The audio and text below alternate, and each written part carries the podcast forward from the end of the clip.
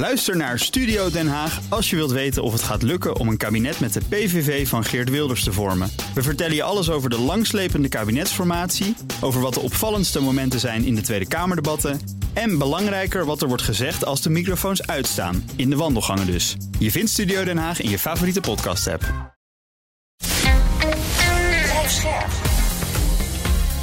BNR Nieuwsradio. De nieuwe wereld. Annette van Soest. Ze nemen ons mee in hun dagelijks leven, bouwen een band met ons op en verdienen daar vervolgens geld mee. Influencers. Ze prijzen producten en diensten aan van zichzelf of van anderen. Sinds afgelopen zomer moeten TikTokkers, Instagrammers en YouTubers zich houden aan strengere reclameregels. Grote influencers vallen nu onder de mediawet. Wat doet dat met de kracht van hun beïnvloeding en dus met hun verdienmodel?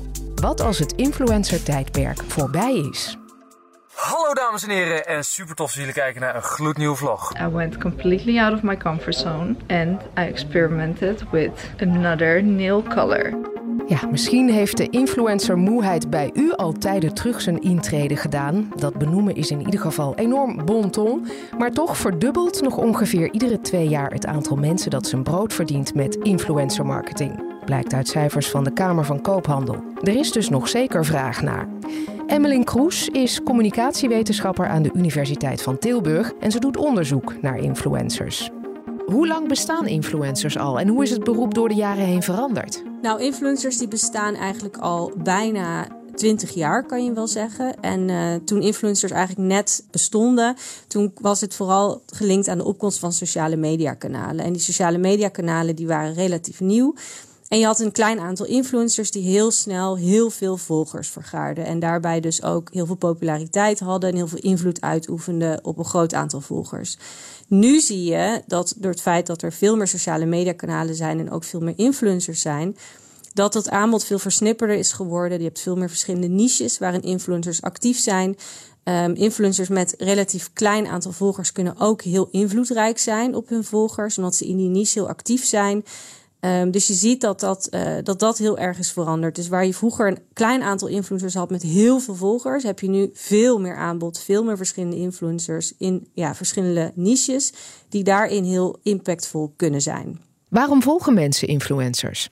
Nou, dat is een goede vraag. Daar hebben wij uh, in Tilburg University onderzoek naar gedaan toevallig. En wij vonden eigenlijk dat er een aantal motieven zijn waarom mensen dat doen. En dan heb ik het vooral over jongeren. Want ja, toch, dat is eigenlijk wel de grootste groep uh, die influencers volgt op dit moment.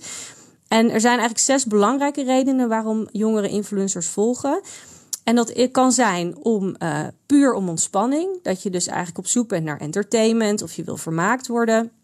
Het tweede motief is dat het, uh, omdat het cool is. Omdat iedereen het in jouw omgeving het doet. Uh, je wil ook weten wie die grote influencer is. Dus je wil op de hoogte blijven. Het derde motief is uit verveling. Uh, het vierde motief is wel grappig. Dat heeft namelijk te maken met gezelschap. Dus het kan zijn dat je met je eenzaam bent en dat je uit gezelschap eigenlijk uh, een vlog gaat opzetten of een influencer gaat volgen.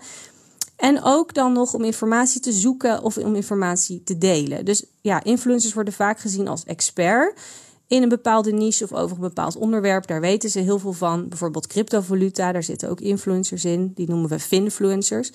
En het kan zijn dat jij bepaalde informatie zoekt of op zoek bent naar, uh, uh, ja, naar iets waar jij meer vanaf wil weten. En daarom ga je een influencer volgen. Veel verschillende redenen dus. Jij gebruikt de term paravriendschappen als je het hebt over hoe wij ons met influencers verbonden voelen. Wat is dat precies, zo'n paravriendschap? Ja, paravriendschap is inderdaad een heel erg belangrijk uh, mechanisme wat verklaart waarom influencers zo populair zijn. En dit uh, is iets wat echt al veel langer bestaat. Dus dit is een term die uh, het voor het eerst naar boven kwam toen we onderzoek deden naar de invloed van media, specifiek bijvoorbeeld films of series. Ik denk dat iedereen het wel herkent dat als je een serie een lange tijd kijkt of lange tijd volgt, dat je als die serie is afgelopen, dat je die personages een beetje gaat missen. Dus dat je eigenlijk het idee hebt van, ja, dat je echt een gevoel van gemis hebt. Uh, en dat noemen we een parasociale relatie die jij hebt opgebouwd met een mediapersonage. En dat is natuurlijk een eenzijdige vriendschap. Ze missen jou niet. Het is echt puur vanuit jou naar een personage. Het is ook niet een echte vriendschap. En dat is iets wat we ook zien bij het volgen van influencers. Omdat ze zo dicht bij jou staan. Ze vragen jou vaak ook om feedback, om reacties. Ze reageren op comments die jij plaatst. Ze gaan het gesprek met je aan.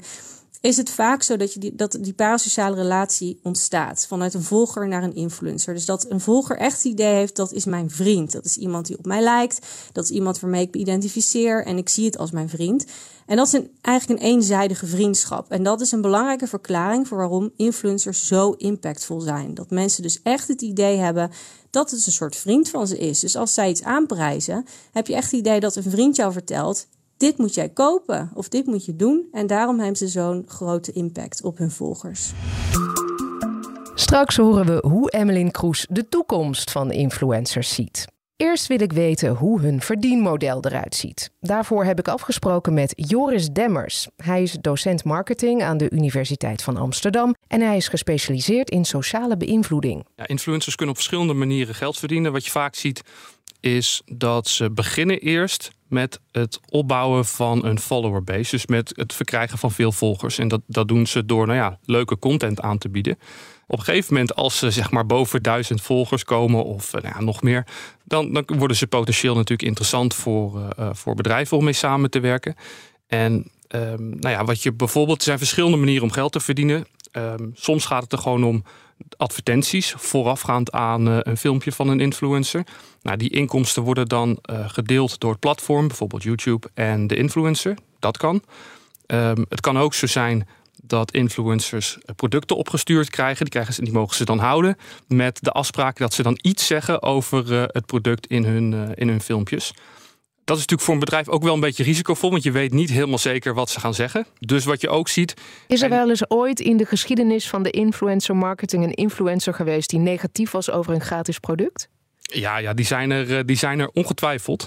En om die reden dat die controle, een bedrijf geeft dan de controle toch een beetje uit handen, zie je ook in de laatste jaren dat steeds meer. Nou, het wordt eigenlijk professioneler. Dus bedrijven en merken die sturen nu ook uh, bijvoorbeeld producten of die betalen. Maar die schrijven eigenlijk ook een scriptje voor wat er dan gezegd moet worden in zo'n post. Dus dan ga je eigenlijk veel meer naar een echte, nou ja, in, info, infomercial ja. of reclame. Dus die, die, kant gaat het ook, uh, uh, gaat het ook ja, steeds meer. Het wordt steeds minder authentiek, als het dat al was. Maar... Nou, dat is dus zo. Het ja. wordt dus steeds minder authentiek, maar daardoor ook uh, uiteindelijk minder effectief. Hoe heeft influencer marketing zich ontwikkeld in de afgelopen jaren? Zijn daar cijfers van? Daar zijn wel cijfers van. Voor Nederland zijn die cijfers volgens mij niet beschikbaar, maar wereldwijd zien we dat nou, in 2022 is uh, volgens mij uit mijn hoofd is het 16,4 miljard gaat er om in influencer marketing. En dat is tien keer zoveel als uh, een jaar of zes geleden. Dus het is explosief gestegen. In het begin waren het vooral mensen met heel veel volgers. En je ziet dat bedrijven eigenlijk uh, nu zich steeds meer ook op de kleinere influencers richten. Dus mensen met, laten we zeggen, vanaf duizend volgers. juist omdat die ook meer interactie met hun publiek aan kunnen gaan en wat authentieker over kunnen komen. Die lijken wat meer op je buurjong of je buurmeisje. Inderdaad, daar zijn ze weer, de micro-influencers met hun para-vriendschappen. Joris Demmers denkt dat de populariteit van influencers bij adverteerders en consumenten trouwens heeft gepiekt. Ik denk wel dat ja, eigenlijk de Wild Westdagen van influencer marketing, dat die wel voorbij zullen zijn. Dus dat het veel meer een onderdeel eigenlijk een klein onderdeel van de uh, marketingstrategie is geworden. Veel minder prominent dan nu. Hoe komt dat? Kijk, als je nadenkt over hoe influencer marketing, waarom dat eigenlijk effectief is, dan heeft het voor een heel groot deel mee te maken dat het zijn dingen die andere mensen zeggen. Het gaat over producten waarvan andere mensen dan zeggen van god, dat zou interessant voor jou kunnen zijn om te kopen. Nou, waarom dat een grote invloed kan hebben, is juist omdat je niet altijd vermoedt dat daar een commerciële bedoeling achter zit. En uh, juist als mensen dat beter gaan begrijpen, en dat is natuurlijk wat er nu gebeurt, nu uh, influencer marketing volwassener wordt, dan neemt eigenlijk de effectiviteit ervan neemt af. Mensen die luisteren ernaar en die begrijpen: oké, ik moet dit wel met een korreltje zout nemen. Wat er ook gebeurt is, naarmate er steeds meer de commercie eigenlijk steeds meer die wereld binnenkomt, wordt het voor mensen veel minder interessant om naar te luisteren. Kijk, een krant die alleen maar vol staat met reclame, die willen mensen ook niet lezen. Dan gaan ze wat anders doen. Dat influencer marketing volwassener wordt, komt deels doordat de reclameregels zijn aangescherpt. Influencers met meer dan een half miljoen volgers vallen nu onder de mediawet. Dus dat betekent dat die door het uh, commissariaat van de media kunnen ook boetes opgelegd worden. Uh, maar goed, dat geldt wel echt voor de grote influencers. Uh, maar de kleinere influencers, die vallen in principe wel gewoon onder de reclamecodecommissie. Dat betekent, de reclamecodecommissie kan geen boetes opleggen. Maar wat ze wel kunnen doen is, als er een klacht komt, kunnen zij publiceren op een website dat er een soort overtreding heeft eh, plaatsgevonden. Alleen daarvan moet je natuurlijk wel afvragen, ja, wie, eh, hoe erg is dat eh, precies? Ten eerste, hoeveel handhavingskracht hebben zij?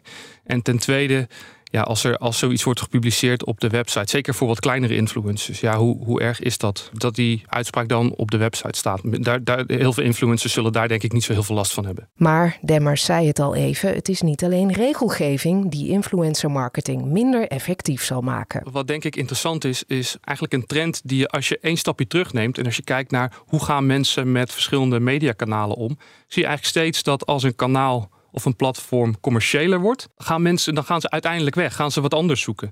Dat zag je op Facebook gebeuren. Er kwam steeds meer reclame op Facebook. Nou, dan gaan we met z'n allen naar een ander platform. En dat zie je nu ook al een beetje met de kanalen die nu populair zijn. Kijk, influencer marketing wordt steeds eh, belangrijker, wordt steeds groter. Je ziet al dat de eh, generatie Z, die zoekt alweer naar andere platformen waarop bedrijven niet zo, uh, uh, die eigenlijk minder commercieel zijn. Er zijn interessante onderzoeken en die laten eigenlijk allemaal hetzelfde zien. Dat mensen zoeken toch met die social media uh, platforms, zoeken ze eigenlijk een privéplekje.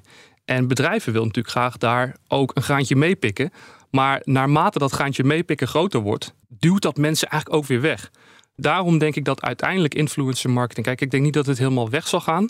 Maar ik denk uiteindelijk zullen consumenten altijd naar plekken blijven zoeken die wat minder commercieel zijn. Dus ik denk niet dat we over uh, tien jaar uh, dat daar alleen maar reclame. Nou, er kan wel zijn dat er alleen nog maar reclameposts op Instagram voorbij komen. Maar dan zitten wij er niet meer. Dan zitten wij er niet meer. Het maakt de platformen waar het groot is kapot. Ja, dat is altijd een beetje de trend geweest. Uiteindelijk, die platformen die mogen we gratis gebruiken, maar die hebben een verdienmodel nodig. Dus dan komen er meer advertenties of er komen, nou, in ieder geval, de, de bedrijven doen hun intrede.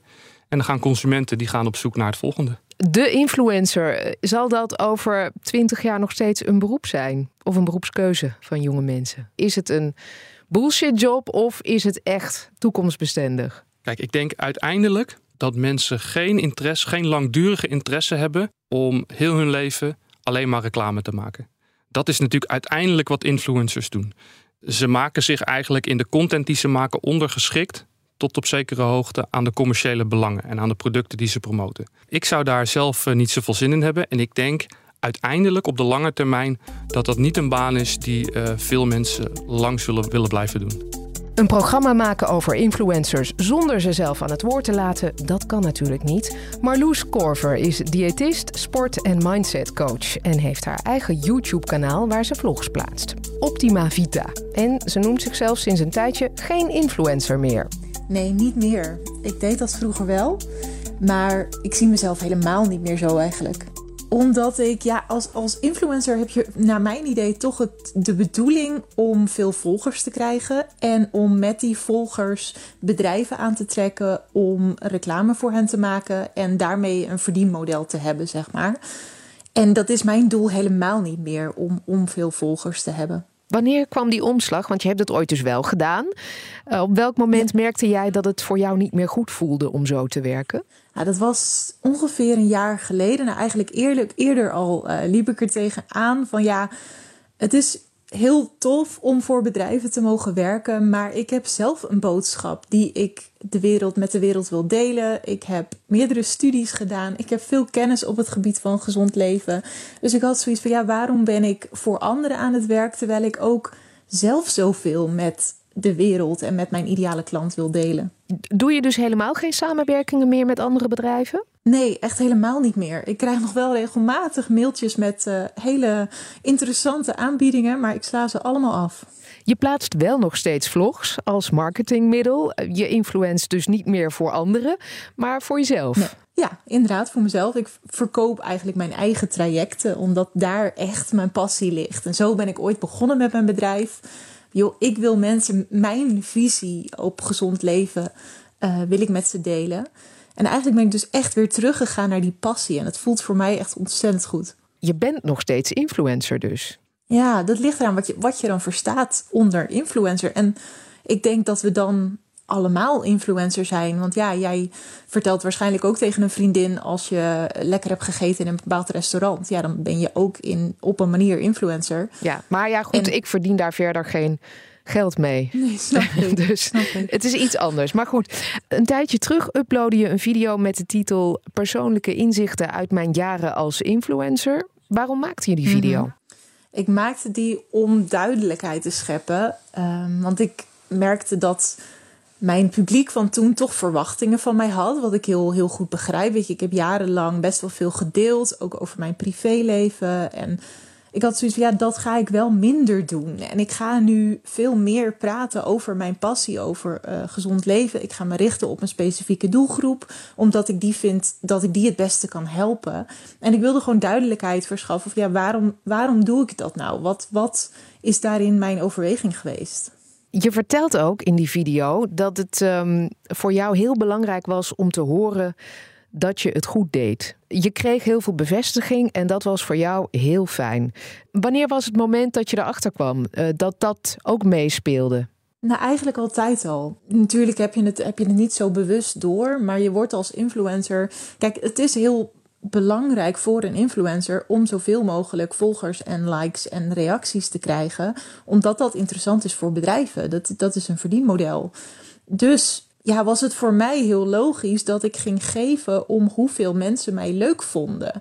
En dat deed heel veel met mijn, uh, met mijn hoofd. Je gaat leveren wat je weet dat anderen willen zien. En dat bracht mij verder van mijn eigen passie vandaan dan dat me eigenlijk lief was. En dat ik daarachter kwam. Eh, eigenlijk was het omslagpunt ook dat ik zwanger raakte. Dat ik uh, een dochter op de wereld heb gezet. En dat ik dacht van ja, hoe, hoe ziet mijn ideale leven eruit? Wil ik uh, de mama zijn die 50 uur aan het werk is? Of wil ik de mama zijn die echt het voorbeeld geeft dat ze haar passie leeft? En dat was natuurlijk de tweede. Je besloot dus dat je eigenlijk minder van jezelf wilde delen en jezelf meer als professional wilde neerzetten. Um, en toch heb je besloten om weer meer van jezelf te laten zien, zag ik in een Instagram eh, story. Klopt. Het is voor mij echt zoeken naar een balans. Um, want ik. Ja, ik ben een, een expert als het, gebied, uh, als het gaat op het gebied van gezondheid. Maar ik vind het ook heel belangrijk om daarin mijn persoon te laten zien omdat heel veel mensen het idee hebben dat gezond leven perfect moet zijn. Dat je als jij gezond leeft, dat je dan niet meer uh, zomaar tussendoor mag snoepen. Of dat je nooit een eetbui hebt. Of dat je altijd veel uh, sport. En ik merk dat dit voor mijn klanten echt een belemmering is. Dat ze denken van ja, gezond leven is niet voor mij. Want ik heb het heel druk met mijn bedrijf of met mijn werk. En door te laten zien van hé, hey, ik, ik leef gezond, maar dat betekent niet dat ik nooit meer uh, snoep of dat ik nooit meer naar de supermarkt ga en, en uh, te veel lekkers koop nadat ik eerst had gepland. Ja, dat, dat geeft heel veel herkenbaarheid. En dat is, dan voelen mensen van hé, hey, dit is ook haalbaar voor mij.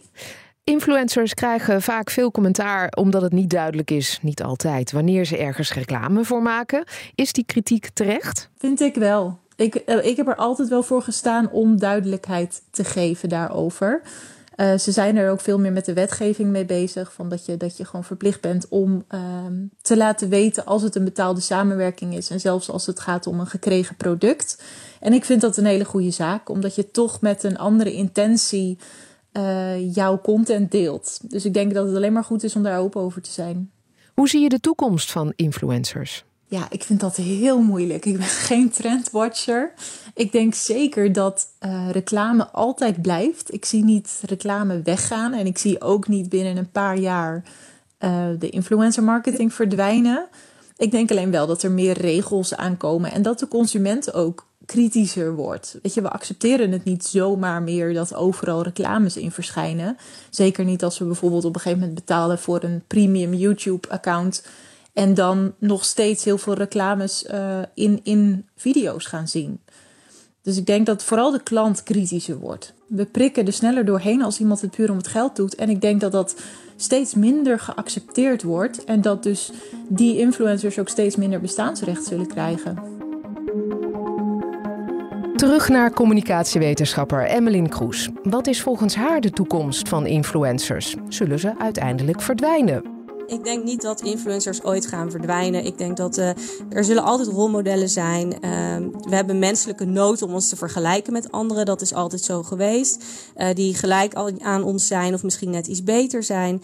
En ik denk dat de technologie uh, mede bepaalt hoe die rolmodellen eruit zien. Dus je zag vroeger keken we op tegen traditionele beroemdheden zoals zangers of acteurs. En dat, dat doen we nog steeds. Maar nu zie je dat door die technologie we social influencers hebben gekregen die echt heel dichtbij ons staan. Uh, dus ik denk dat dat altijd zo zal zijn. Dat influencers niet voorbij zullen gaan, maar dat het misschien wel een andere vorm krijgt. Ja, je ziet bijvoorbeeld nu ook dat virtuele influencers heel groot aan het worden zijn. Little Michaela is een voorbeeld daarvan. Een virtuele influencer met echt miljoenen volgers op Instagram. Um, de inhoud kan gaan veranderen. Bepaalde processen die we nu belangrijk vinden, die waren vroeger ook minder belangrijk. Zoals gelijkheid, authenticiteit.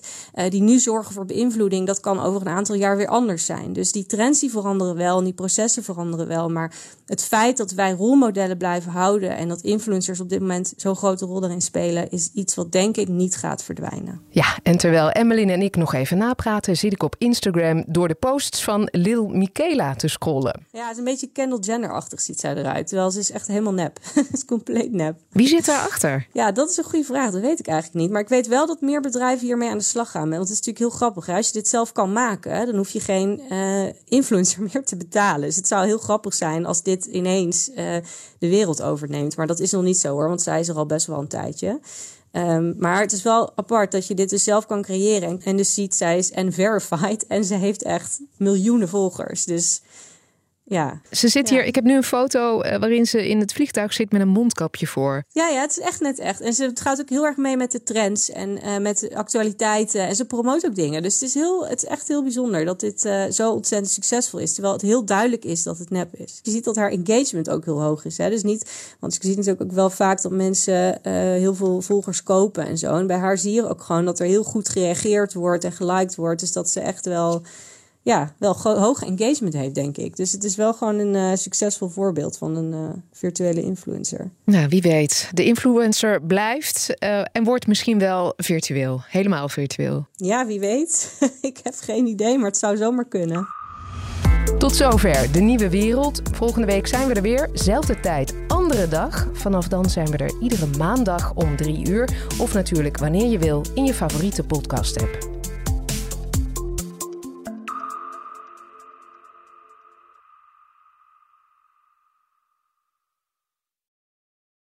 Ook Harm Edens vind je in de BNR-app. Je kunt BNR Duurzaam niet alleen live luisteren in de app, maar ook terugluisteren als podcast, zoals al onze podcasts. En naast dat de BNR-app Breaking News meldt, houden we je ook op de hoogte van het laatste zakelijke nieuws. Download nu de gratis BNR-app en blijf scherp.